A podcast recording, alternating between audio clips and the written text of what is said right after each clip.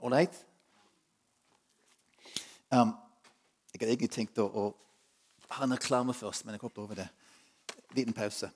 Um, denne boka her heter 'Jesus som forbilde'. Det er den første bok som Egil Elling og Martin skrev for noen år siden. Og Det, det, det forteller mye om vår vandring som menighet. Til å kunne se um, hvordan Gud kunne bruke oss til at andre ser hvem han er. Og det, det var tre ting som Jesus var kjent for. Det var hans, hans ord, hans forkynnelse, det var hans godhet og det var hans mektige gjerninger. Og De samme tre tingene skal vi få lov til å ta i bruk i dag for at verden kan se hvem Jesus er. Det er masse om godhet, også masse om, om de, de, overnaturlige tingene som vi har sett etter hvert har vokst fram i menigheten, som vanlige hverdagsmennesker har begynt å leve i, som gjør at mange rundt oss har sett hvem Jesus er. Boken anbefales på det sterkeste. Du kan kjøpe ut i bokbord etterpå. Og en ting til. Hvis du kjenner noen som tviler på at Gud kan helbrede i dag, så burde du få tak i denne her. Det er boka um, 'Jeg har gjort et godt liv' og videoen, eller DVD Adrian, uh, 'Helbredet av Gud', om en tolv år gammel gutt fra Sandnes som ble helbredet på et mirakuløst vis. Um, han nådde på å dø i rullestol. Det var ingen kur for det han hadde. Og Så ble han bedt for, og så ble han altså momentant helbredet. En vittig historie som du hører om fra Afrika eller Brasil. Men det var altså Sandnes. Sant? Og han her lever, han er seks år siden, han er en, en 18-åring nå. Han er en fantastisk gutt som virkelig brenner for å, kjenne Jesus. Og, og, Han er så frisk som bare det. Legene sier det de finnes ingen, forklaring, ingen medisinsk forklaring for at han blir frisk. Det må være noe annet. Så hvis du vil lese selv inspirasjon, det er det med andre, få tak i boka og DVD-en der også. Yes. Um, tilbake til mentalet her. Det, som, som jeg sa, vi er forskjellige. Og vi skal være forskjellige. I Efesene 4 så snakker Paulus om dette her med eh, fem forskjellige gaver som Jesus gir Kirken. Um, fem forskjellige utrustninger som vi, alle vi har fått. Til hver enkelt av Gud gitt. Jeg skal ikke peke over det nå, men det er bare for å demonstrere dette, denne mangfoldighet Gud har gitt oss som menighet. Min favoritgave er hørdegaven. Det er sånn som jeg, jeg kjenner meg mest igjen i. Sant? Han sa noen har fått denne, denne hyrdegaven, som betyr at vi har fått en ekstra porsjon av omsorg. Vi har fått en, en, en utrustning for å, å, elske andre, for å tjene andre, for å være god mot andre. Sånt. Hyrder de de som liker å, å stille opp og lage kaffe. De som, som står og tar folk igjen. De som liker å, å, be for mennesker og sørge for at de som sliter med livet, skal få en arm over skulderen. Sånt. Mange mennesker heldigvis i våre menigheter som har denne hyrdeutrustningen. Skjønner du? De som, som, som, liker å tjene. Har, det, det, er lett å tjene. Det er ikke noe eh, byrde. Men jeg, jeg, vil tjene. Jeg liker mennesker. Jeg liker å være med dem. Er det, er det, er det, er noen som, som, kjenner seg igjen i det? Som har en sånn hørdegave? Ja? Og si, Liker du å lage kaffe? Liker du å, å, å sitte og drøsse med folk? Løft opp en hånd, da. Ok? Greit, det. Og kanskje du er en av de som har denne, denne gaven, denne utrustningen der. som hørdegave. Nå er det slik at Selv om du ikke har en hyrdeutrustning, så kan du få lov til å vise omsorg. ikke sant? Ja. Så alle kan drikke kaffe med mennesker. Det stemmer det? Alle kan ta en telefon og si 'hei, hvordan går det?' Ja. Så alle vi som her kan vise omsorg for andre mennesker. Vi kan alle kjenne, vi kan alle vaske doen, vi kan alle sant? stå i kafeen. Men noen har en spesiell utrustning for det. Stemmer det? Nick? Ja, ok. Paulus snakker om evangelister. De som har en evangelistutrustning. Det er de som bare elsker å snakke med andre mennesker om Jesus. De bare kommer inn på et rom og sitter rundt og drikker kaffe, og så i løpet av noen få minutter så er de i en åndelig samtale med noen. De, de, bare, de, de, bare, fikser det. De, brenner for det. Det er lett for dem å snakke med andre mennesker om Jesus. De har alltid et vitnesbyrd, de stiller spørsmål. Sant? Hva tenker du? Hva tror du på? Sant? Hvis Egil Svartdal på TV han går kommer i samtale med mennesker, og i løpet av noen få minutter er de inne på Jesus. Det, det bare skjer. Sant? De har fått en gave, en spesiell utrustning, til å snakke om andre med Jesus. Er er, er, er det, noen her som, som kjenner seg igjen i det? Som elsker å bare snakke om andre med Jesus. Kom igjen, ikke være beskjedne. Jeg vet det er her. Ja, flere. Hvem liker å snakke om andre med Jesus? Ja, ok. Det er sikkert mange flere, men dere er litt beskjedne her i Fonland. Men spør deg, altså, kan alle fortelle andre om Jesus? Ja. Stemmer. Skal alle fortelle andre om Jesus? Ja, klart vi skal det. Uansett hva utrustning vi har, må vi kunne dele på vår måte. Altså vårt vitnesbyrd, vise godhet, gjøre et eller annet som andre mennesker kan se at Jesus er god. Hvem er det profetiske? Paulus sa at det var en av disse gavene var, var det, denne, denne, profetiske utrustning. Så betyr at Enkelte mennesker har en spesiell evne til å forstå hva Gud sier. Som liker å være i stillhet, liker å søke Gud, liker å være der og, og få ting. Skjønner, de, de, de, de, skjønner ting som ikke andre skjønner. De får ord til mennesker som, som ikke er helt åpenbare. De, får, de, de, et eller annet med denne kontakten med Gud som gjør at de får litt ekstra enn andre. Er det, er det, er det noen her som tror de har en profetisk utrustning? Hva mener du? Vi har nettopp hørt masse folk komme fram til og dere har absolutt har noe her. sant? Det er fritt fram i denne menigheten. Ja, ok, flott. Igjen, jeg vet det er mange flere. Men igjen kommer spørsmålet. Kan alle profetere? Ja, Kan alle dele noe fra Gud med andre? Ja, de kan. Og vi skal gjøre det. Det er ikke eksklusivt. Det er ikke reservert for de får. Og det er det som ofte skjer i våre menigheter. Det som jeg opplever i kveld, er egentlig svært uvanlig for meg. Jeg reiser ut i mange norske menigheter. Og De fleste steder er det ikke så lett å komme fram med det profetiske budskap som det er. Fem-seks stykker fra meg delte. Noen som delte budskap i, i, i tunge her og ble tolket. Noen som hadde sang en bibelvers. Fantastisk. sant? Det er en frihet. Det åpner for det profetiske her i denne menigheten. Halleluja! Yes, det er bra! Forresten ikke bare en menighet. Det er flere menigheter her. Men i denne forsamlingen, blant dere her, så er det åpne for det. Men folkens, det er ikke sånn rundt omkring i Norge. De aller fleste steder, Hvis du har et budskap, hvis du opplever at du får et, et, en tungetale, et profetisk budskap, så skal det mye til å gå fram og dele det. For det er ikke plass til det. Ikke sant? Har dere opplevd det før? Så det vil si veldig mange av dere og vi i vår familie som har fått denne spesielle budskap, gave fra Gud til å kunne tale profetisk, opplever seg kue, opplever seg ikke sett, ikke ivaretatt. Det er vårt ansvar med andre som ikke har det, til å anerkjenne disse mennesker. Til å framelske dem, til å la dem komme med det som er deres. For Det er en utfordring for meg som ikke er profeter. Det er en utfordring for meg. Det må jeg innrømme. For, for dere som har denne gaven, tenker annerledes enn jeg tenker. Dere ser ting som ikke jeg ser. Dere forstår ting som ikke, jeg ikke forstår. Folk ser engler. Jeg ser ikke engler. Folk, folk får sant, noe som bare tar dem. Og jeg får ikke det. Sant? Så jeg som ikke opplever det samme, kan få tenke enten ja, det er litt sært. Sant? Jeg vet ikke om jeg egentlig stemmer det. Kanskje bare du er litt spesiell. Du er litt utenfor. Forakt. Neglisjering. Nei. Eller jeg kan tenke Wow! Du har noe som ikke jeg har. Sånt. En respekt. Men samtidig føles det at jeg er liksom mindreverdig. Du har noe. Jeg har ikke det. Jeg har noe kaffe. Men du har et profetisk budskap. Altså, altså, vi kan fortsette å se på en pilestad også. At de måtte høyere enn oss. Og det som akkurat foran i mange menigheter, at de som har et profetisk gave, har blitt satt på pidestall blitt satt på en måte på lik linje med Gud. Sant? Wow, så sier Herren. Tall til oss, da. Sant? Og så løfter vi opp på en plass som vi kanskje høyere enn egentlig burde ha. Sant? Så disse med det profetiske budskapet ofte blitt behandlet litt vanskelig i våre menigheter. Enten neglisjert eller kanskje litt overdreven respekt. Fakta er at dette er en av de fem gaver Gud har gitt oss. Vi trenger alle fem. Det er ikke noe rangering her. Verken apostelgave eller profetgave ligger over de andre. Sånn at Ofte hører dere og tenker jeg er ikke så viktig, jeg bare koker kaffe. Det er feil. Hvem skal ta vare på de, hvem skal møte de menneskene som kommer her med sine sår og sine problemer? Vi må ha hyrdene, de må være i første linje. Vi må ha evangelister, vi må ha lærere. Vi må ha alle sammen. Sant? Vi trenger disse fem gaver for å være en hel, sunn menighet. Ok? Det vil si at dere som har profetiske gaver, må våge å bruke dem.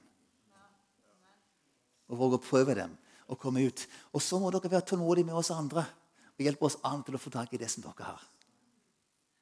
Vi trenger det, alle sammen. Hvor er jeg? Liten vannpause.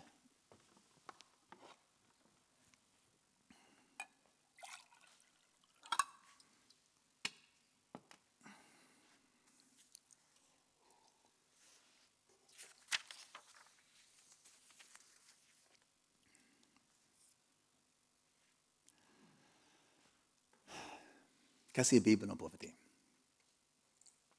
Vi vet hva vel, vel I begynnelsen av Det gamle testamentet så utvalgte Gud enkelte mennesker å tale gjennom. Moses var den, den største vi kjenner til. Han kunne stå der og høre Guds ord. Så han talte til Gud som to mennesker som snakker sammen. Og Gud gav han sitt ord for at han kunne gi det videre til, til folket. Det store profeten. Men helt fra begynnelsen var faktisk Moses opptatt av at han skulle få dette også. Det står i Fjerde Mosebok. Um, det var en, en, diskusjon. Gud hadde valgt ut uh, flere til, sånn 70 ledere for å tale til tallet gjennom. Det var diskusjon om hvem var det som skulle få lov til å være profeter eller ikke. Og Så sier Moses her i 4. Mosebok 11,29.: Om bare alt Herrens folk var profeter, måtte Herren gi dem alle sin ånd. Det var noen få som fikk det. Men helt fra begynnelsen var det meningen og ønsket at en dag skulle alle få. Vi ser at Gjennom Det gamle testamentet så var det mange profeter. Noen av de, de store, altså Jesaja, eh, noen små profeter som skrev ut. Og mange profeter som aldri vi fikk høre deres ord. Men, men folk profeterte. Gud talte til mennesker, valgte dem ut og brukte mennesker, profeter til å tale til folka. Gav sitt ord til dem. Noen var skrevet ned, noen ble bare brutt. Og det er også falske profeter. Så det var en, en, viktig del av deres kultur. At de skulle høre på Gud hadde, prøve det og dele det videre med andre. Men dette var ting som kom og gikk. Det var midlertidig, det var ikke permanent. Og så hører vi Spol fram til Joel, en av de siste bøkene i Det, nye, i det gamle testamentet. Og Joel profeterer på det som kommer til å skje. Han sier i kapittel 3.: En gang skal det skje at jeg øser ut min ånd over alle mennesker. Deres sønner og døtre skal profetere. De gamle skal drømme drømmer, og de unge skal se syn. Selv om slaver og slavekvinner vil jeg i de dager øse ut min ånd.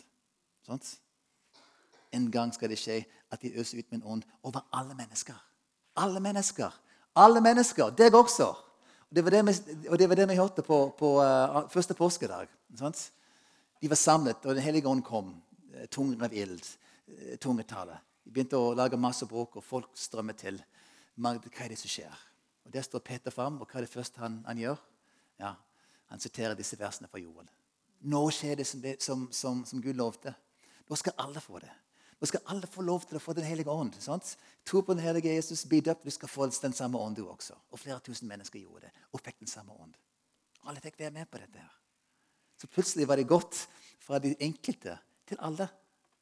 Det var det som var målet, at alle skulle få Den hellige ånd. Alle skulle få lov til å opphøre profeter. Og det, var det som Gud hadde. Paulus skriver i uh, 1. kor 14.: Jag etter kjærligheten. Søk åndsgavene med iver Særlig det å tale profetisk. Og så snakker han om sette opp to forskjellige gaver mot hverandre. Tungetale, som i denne tilfellet handler om, om det personlige oppbyggelse, bønnespråk, eller profetiske gaver, som handler om å gi til andre. Han sier, For den som taler i tunger, taler ikke for mennesker, men for Gud. Ingen kan forstå ham, for han taler hemmeligheter ved ånden.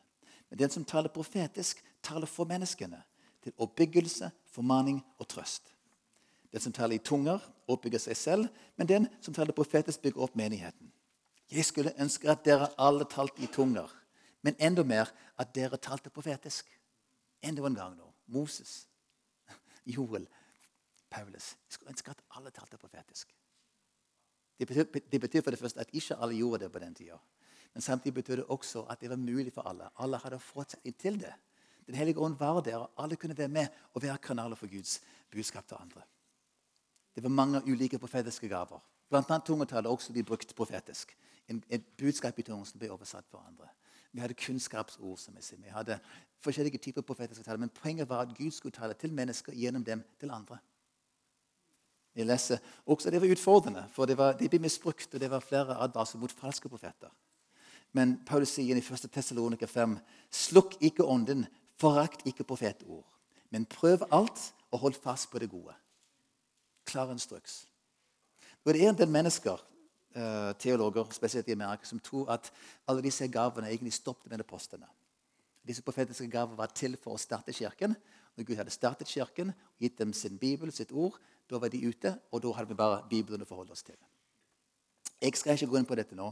Jeg forstår at, at Begrunnelsen for denne, denne, tankegangen er at Guds ord er så sterkt og så bra at ingenting, ingenting skal få lov til å tro det. Og Disse menneskene mener at hvis vi aksepterer at det fins profetiske ord i dag, så kan vi sette dem, sette dem over Bibelen. Det er ikke det som er tanken. Bibelen er Guds ord. Det er sannheten. Men det står fast. Det kan vi bygge på. Ingenting skal rokkes ved det. Vi skal ikke legge til eller trekke fra. Guds ord er Bibelen. Bibelen er Guds ord. Men samtidig vil Gud fortsatt tale til oss. Det var ikke slik at Gud bare gav oss instruksen og så satte seg ned og sa lykke til. Nå er resten opp til dere. Nei, sånn er ikke Gud. Jesus sa, Jesus sa 'Jeg er med dere hver en dag inntil verdens ende'.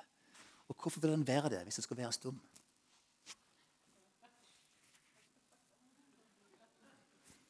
Tenk om, Gud, om all maktens Gud sto der og bare så på oss sant? og tenkte 'lykke til'. De har ordet. De får finne ut sjøl. Altså, da, da hadde alt vært vår greie. Opp til meg å tolke Guds ord, opp til meg å formidle Guds ord. Opp til meg å finne på hva jeg skal gjøre. Sant? Nei. Dette er fordi Jesus vil fortsatt tale. Han vil være med oss. At det vi ser er at Gjennom Guds ord, gjennom profetiske ord, alt denne her vil Gud virke gjennom oss. Han vil vise oss veien, han vil rettlede oss og veilede oss. Han vil gi oss tilskyndelse og, og eh, hjelpe oss til å være med på det som han gjør i dag. Han bare roper på oss 'Kom og bli med på det som jeg gjør'. Men da må du lytte og få tak i det. Det er det som jeg tenker er profetien. Min enkel uh, resonnement er at når Gud taler til oss, så må vi lytte. Og det er det handler om profeti. Å ta det han har gitt oss, og gi det videre til andre. Og det kan alle gjøre.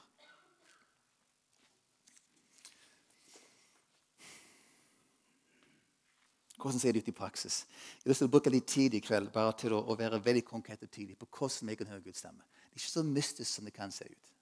For meg som er en SC Myers-Briggs og vi liker detaljer, vi liker å vite hvordan ting henger sammen, så har jeg skjønt etter hvert at det ikke er så mystisk som det kan virke. Men du, Line, kan du ikke komme fram her? Jeg har bedt Line å dele litt om hennes erfaringer med det profetiske. Jeg kommer komme opp på scenen, ikke det? Har min mikrofon her som jeg kan bruke? Ja. Altså, Line og uh, Helge og Bianke, de som reiste seg før, de er tre som nå går i Imi-kirka, og de skal være med og plante Imi, uh, Imi Tvedestrand. Så de er med denne helga her. De blir deres naboer, som er fantastisk. Men du, så du er altså en av de som har, har vokst opp i en, et miljø med profetiske gaver. få tak i dette her. Kan du ikke bare dele litt av dine erfaringer med hvordan ser du ut i ditt liv med det profetiske? Ja. Um, jeg kan dele to historier. Uh, det ene historien er at um, jeg sitter i um, som profetisk betjening, sånn som vi har her i kveld. Uh, og så kommer det en dame bort, og så tenker jeg uh, Rose. Eh, før hun setter seg ned. Og så deler jeg det her med henne, og så sier hun Det, det har jeg hørt mange ganger før. Det, og det, da tenker jeg wow altså jeg, opp, jeg, sitter jo i profetisk betjening, og jeg opplever det på en måte flere ganger. Men så på en måte bare går det innom at Gud, allmaktens Gud, han snakker faktisk til meg. Og han har på en måte lyst til å bruke meg, som ikke er en profet. eh, og det Ja. En annen historie er at eh, jeg driver og danser. Eh, og så har jeg to venninner som jeg danser en del med. Eh, og vi bruker dans i lovsang. Eh, og så var vi i gymsalen på Imi kirka, og så bare dansa vi og egentlig ba litt i dans over hverandre. Og så opplevde jeg at jeg bare skulle legge hendene mine på magen til henne. Eh, og så etterpå så forteller hun meg at eh, hun og mannen sliter med å bli gravide. Eh, og nå i februar så fikk de en sønn. wow. Fantastisk. Ja. Eh, altså, hva, hva, betyr det for meg å på en måte få lov til å bare gå litt i det? Altså, det betyr jo ikke at alt jeg sier, er fra Gud. Jeg må jo på en måte gjerne høre litt fra den andre. Stemmer det, på en måte? Eh, og det hjelper jo meg å legge merke til eh, Guds stemme, da. Og få lære på en måte hvordan høres den stemmen ut. Mm. Men eh, ja. Ja. Altså, Da vi begynte med dette her i Misjæken for noen år siden, så lærte vi en veldig enkel øvelse. Det kom en predikant fra Vineyards pastor fra California.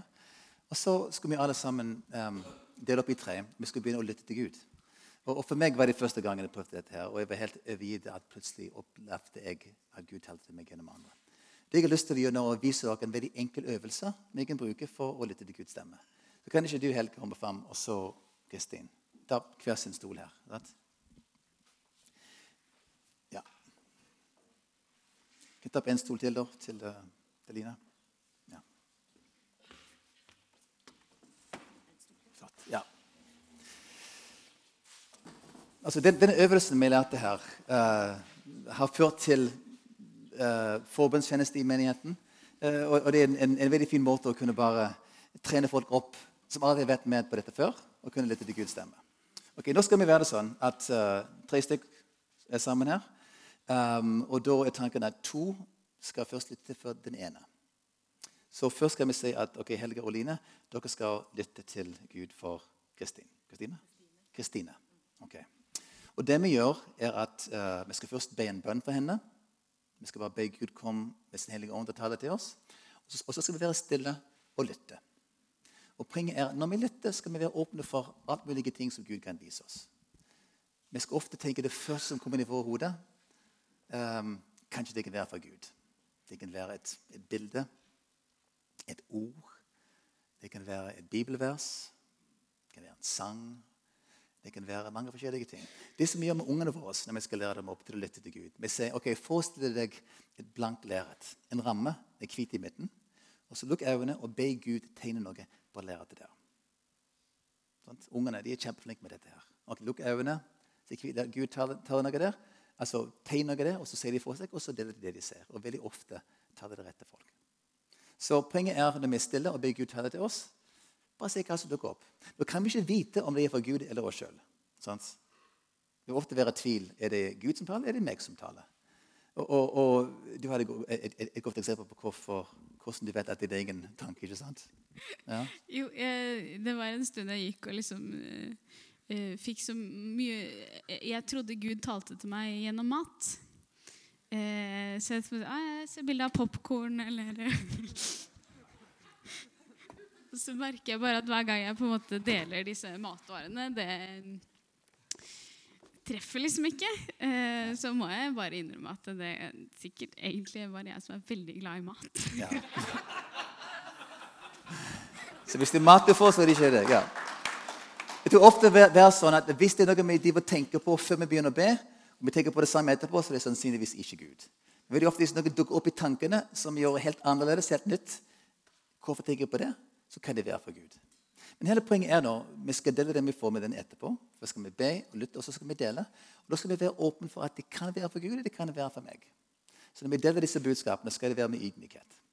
Du vet, første, Da jeg først møtte profetisk budskap i Norge, så var det alltid ok, så sier Herren, sier de, og så, så delte de budskap. Og, og, det har vi gått vekk ifra nå. Fordi Når det sier 'så sier Herren', så er det en viss myndighet og autoritet. Og Det skal mye til å si 'nei, det sa han ikke'. Sant? Hvis Herren sier det, så må jeg bare si ja vel. Det, det, kan fort være noe, det kan være feil. Vi må ha en ydmykhet. Uansett hvor flinke vi er som profeter, uansett hvor mye erfaring vi har, så kan vi ta feil. Sant? Så vi alltid vært en viss ydmykhet. Da, da ser vi altså Da lytter nå, så var det dette jeg tenkte på. Kan det være fra Gud? Sant? Og så Etterpå skal den få lov til å respondere. Og så skal vi til slutt velsigne den personen og be at hvis det var for Gud, jeg skal ta imot det. Hvis det var for meg sjøl, så skal du bare glemme det. Okay? Så først be, litt, talevelsignelse. velsign. Så gjør vi sånn. Og da skal vi um, først uh, be, Jeg kan lede an i bønner for deg. Skal lede, legge hendene på deg. Og så skal vi lytte til Gud. Nå anbefaler vi ofte at folk holder, holder øynene åpne når de lytter. Du kan lukke øynene. Dere kan gjerne øynene åpne for å se på det. Av og til får vi sans når vi ser ting som kan være for Gud også. Ok? Da begynner vi. Ok. Er det greit om de, om de, om de, om de uh, legger hendene på deg? Greit, da gjør vi det. Ok. Da bare inviterer vi deg, Hellige Ånd, til å komme nå og tale til oss. Gi oss noe som vi kan gi til Kristine for deg.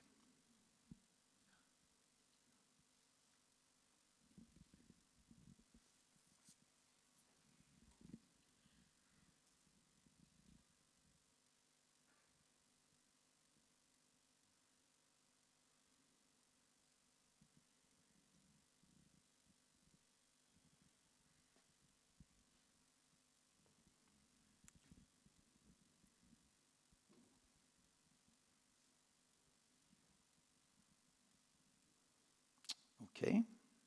Trenger ikke bruke lang tid. Vi skal bare late, late meg som om ingen sitter her nå. Det er bare oss tre på et rom. sant? Men uh, kan du ikke bare dele hvis du fikk noe til Kristine? Mm. Um, jeg kjente egentlig jeg fikk to, uh, to bilder. Um,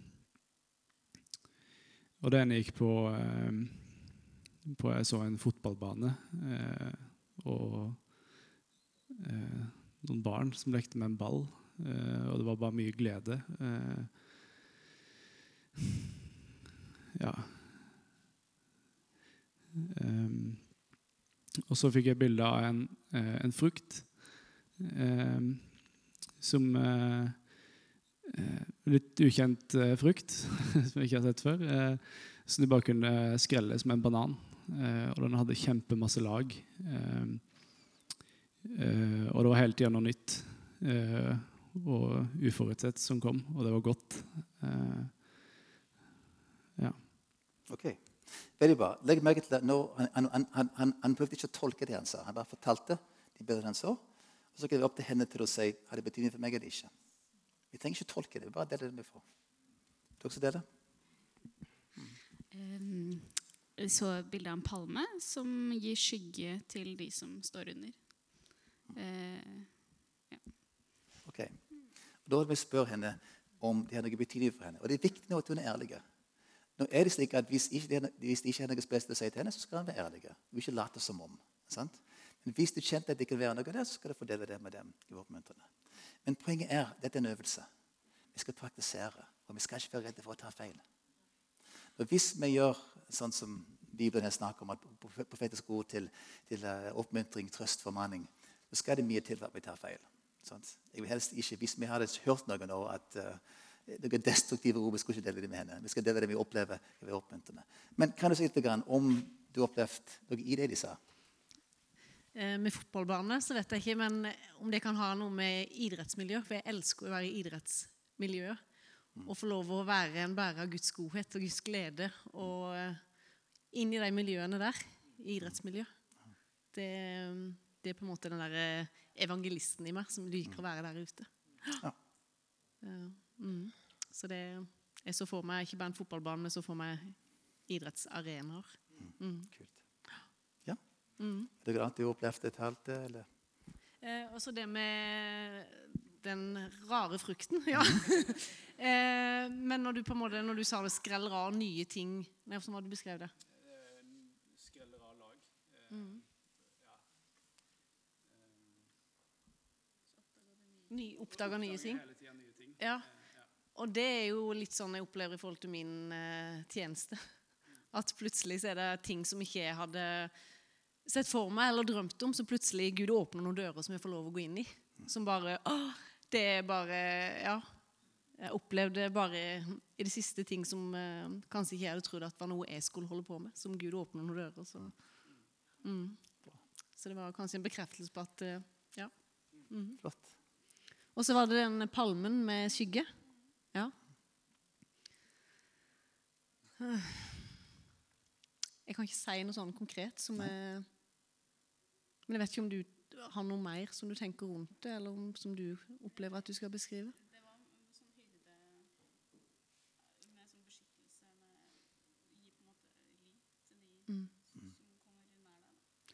Ja, Når du beskriver det litt mer sånn, så kjenner jeg jo at eh, ja. Eh, Tidligere har jeg fått ord på at det skal være en mor for mange. Eh, og det med å mm. okay. Så når du sier det sånn, så ja, det kjenner jeg. Nå, nå vil det av og til være når du får ord, så kan jeg tale med en gang, eller kanskje ikke. Det jeg ofte skriver ned det jeg får av ord, så går jeg tilbake igjen. Jeg gjorde faktisk i ettermiddag. Jeg gikk tilbake på Jeg har en eh, sånn, altså, dokument på min telefon der jeg skriver ned ord jeg får. Så bare tilbake igjen og begynte å lete på ting som jeg har fått de siste årene. Overraskende mange ting som jeg fikk for noen år siden, har faktisk skjedd. Det er godt å ta vare på det for å kunne s- se tilbake etter, hvert og si ja, Gud faktisk hadde forberedt meg på dette. her. Så nå gjør vi det sånn. Jeg bare be en kort velsignelsesbønn på deg. Legg henne på deg en gang til, så skal jeg lede an. Far, takk for de ordene du har talt nå.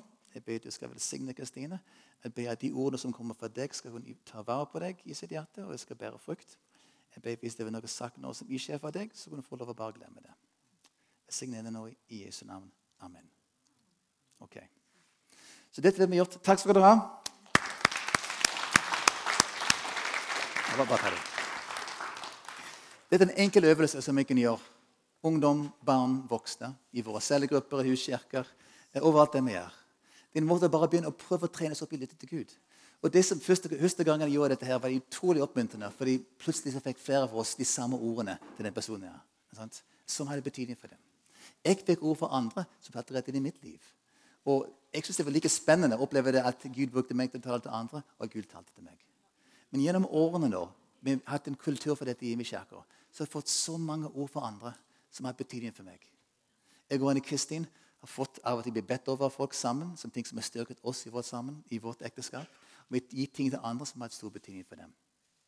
Selv om jeg ikke er en typisk profet, har jeg sett gang på gang Gud kan bruke meg. Kanskje en ting som jeg ofte har sett Gud har brukt meg på, er å gi meg bibelvers for andre. Um, eh, jeg er alltid safe hvis jeg har en bibelvers. Det kan ikke være feil. i alle fall. Sant? Men um, når jeg ber for en person, så Gud, gi, gi meg et vers til denne personen. her. Uh, når jeg er ute og reiser med agendaen i andre land, så er det en veldig enkel måte å gjøre det på, for da slipper jeg å få ting tolke. Jeg kan gi dem et bibelvers. Når jeg skal um, skrive et konfirmasjonskort eller bryllupskort eller bursdagskort, gi meg et bibelvers. Og Det er en, en fantastisk måte å, å bruke det profetisk på. For Gud kan gi oss ord som kan ta det rett inn i menneskets liv. Før Anne Kristin og jeg gifte oss, så fikk vi et vers som uh, Filippene 4, 4-7, som vi skrev inn i våre bryllupsringer. Et slags vers for vårt ekteskap som skulle være måte, våre vers, våre ord fra Gud, som kunne være en ramme for vårt samliv. Veldig ofte vil, vil Gud bruke ord på denne måten. her. Levendegjøre ordet. Det er Guds ord. Bibelen er jo Guds ord uansett. Men når den levendegjør, så kan det tale rett inn og skape det de nevner. Det er seint nå. Um, jeg har bare lyst til å, å uh, Det er litt kort før vi, vi gir oss i kveld. Om kraften av det profetiske i det misjonale. For De ordene vi får, kan vi gi til andre ut forbi for å, å vise hvem Gud er. Um, Gud vil ofte vise oss hvem jeg kan vise godhet til. Når vi ber om Gud, altså, hvem er det du ønsker at jeg skal dele med nå? Uh, vi har sånne praksis i vår menighet i Mishaket med sånn bønnekort. Skriver ned navn på noen mennesker vi kjenner som ikke kjenner Jesus. Og så ber Jesus vis meg tre mennesker nå du vil at jeg skal begynne å be for. Mennesker som jeg skal vise din godhet til. Og Så vil Gud minne oss om mennesker vi kan be for. Så ber vi regelmessig sammen med hverandre på disse navnene på kortet. Og Så vil det ofte skje vi kan si Gud, hvem skal jeg gi en oppmuntring til i dag? Og Gud vil minne oss på mennesker. Vi kan sende SMS-er til dem, vi kan sende uh, meldinger på Snapchat. Ungdom i dag er kjempeflinke til dette. her. De har disse her Snap og Instagram, og de sender hele tida emojis og sånt, glad i deg. Og, sånt. De er veldig flinke til det. Men jeg tror folk i vår generasjon også kan lære mye av de unge. Hvem kan vi oppmuntre med et vers? Hvem kan vi vise Guds kjærlighet til på en måte som betyr noe for dem? Jesus snakket om fredspersoner i Lukas 10. Mennesker som du kom inn og gir dem Guds fred. Når de tar imot det, så skal vi være med dem. Og det er mange mennesker ute som Gud har forberedt allerede. Som er klar til å ta imot. Og Vi må be Gud vise oss hvem er det som er klar. Hvem er det jeg kan møte i dag som kan ta imot den gode du har for dem? Hvor er de åpne dørene som ikke jeg ser, men som du ser? Jeg har sett gang på gang på gang at når vi først har bedt Gud vise oss hvem jeg kan vise gode til, så åpner dørene seg.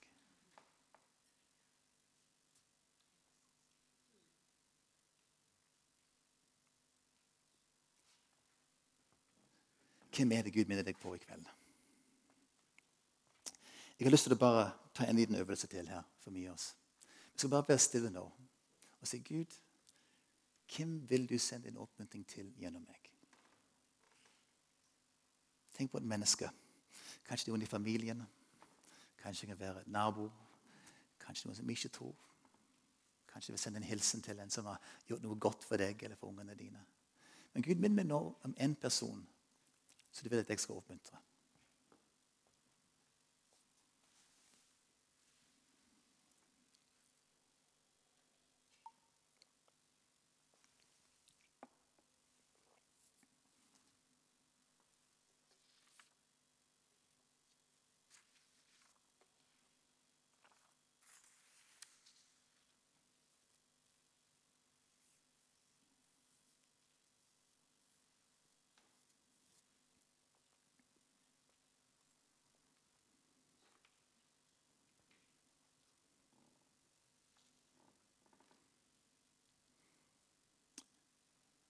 Du har den personen for deg, nå, Så bestem deg hva kan jeg gjøre. Skal jeg sende en SMS? En melding? Skal jeg uh, ta en blomst? Skal jeg invitere en kopp kaffe? Hva kan jeg gjøre?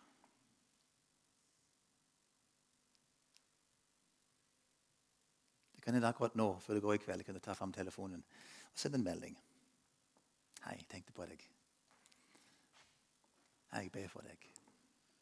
Jeg vil bare takke deg for at du er en så god kollega eller svoger eller trener. eller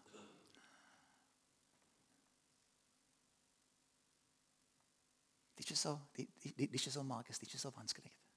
Så enkelt er det egentlig. Gud, minn meg på hvem du vil besigne gjennom meg i dag. La din godhet flyte gjennom meg til noen som du er klar til å velsigne.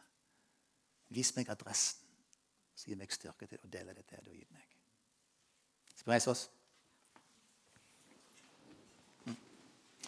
Far, jeg har lyst til å takke deg nå for alt det gode du gitt oss, og takke deg for at du har vist oss nå hvem du vil at vi skal dele det videre med. Far, jeg ber du skal gi oss mot til å handle på det som du har gitt oss. At vi ikke går og tenker og lurer på det, men bare våger å handle på det, Gud. Allerede nå i kveld eller i morgen skal vi faktisk handle på det du har vist oss nå. At vi skal dele din oppmuntring, din godhet, en bønn, en rose med noen som trenger noe fra deg. Jeg har også lyst til å være spesielt i kveld for, for de som er her, som har en profetisk tjeneste. Og Herre, Hvis de har opplevd før at det har blitt um, neglisjert eller ledd av eller, eller ikke tatt imot som du hadde tenkt. Jeg ber at du skal komme nå med din, din oppmuntring. Jeg har bare lyst nå, på vegne av, av, av kirka, be om unnskyldning for alle dere som har blitt såret. Dere som har våget å, å, å dele det som Gud har vist, og blitt avvist. Jeg bare ber om unnskyldning nå, og ber dere ikke stoppe av det. Bli reist opp igjen og våge å ta et nytt skritt. Så jeg ville be for de som er her i kveld, som kjenner uh, frykt og tvil om du kan virkelig tale til dem, eller om de skal dele det med andre. Jeg vil be du skal gi dem uh, mot til å ta et skritt ut av båten i kveld og gå på vannet. Til å våge å ta det neste skrittet og se at du faktisk taler til dem og gjennom dem til andre. De skal våge å, eh, å prøve det og hive seg ut på. Kjære far, jeg ber at denne eh, profetisk kultur skal få lov å vokse fram. Ikke bare her i menigheten, men gjennom denne menigheten til, til, verden. Til folk som bor ute der. Gud, jeg ber at vi skal se enda mer av din ånd og din godhet som sprer seg gjennom våre liv til de mennesker som er der, som du vil møte. Gud, De lengter etter å møte med deg. De lengter etter en berøring av deg. Gud, og La oss få være de som skal gi den berøringen videre til dem.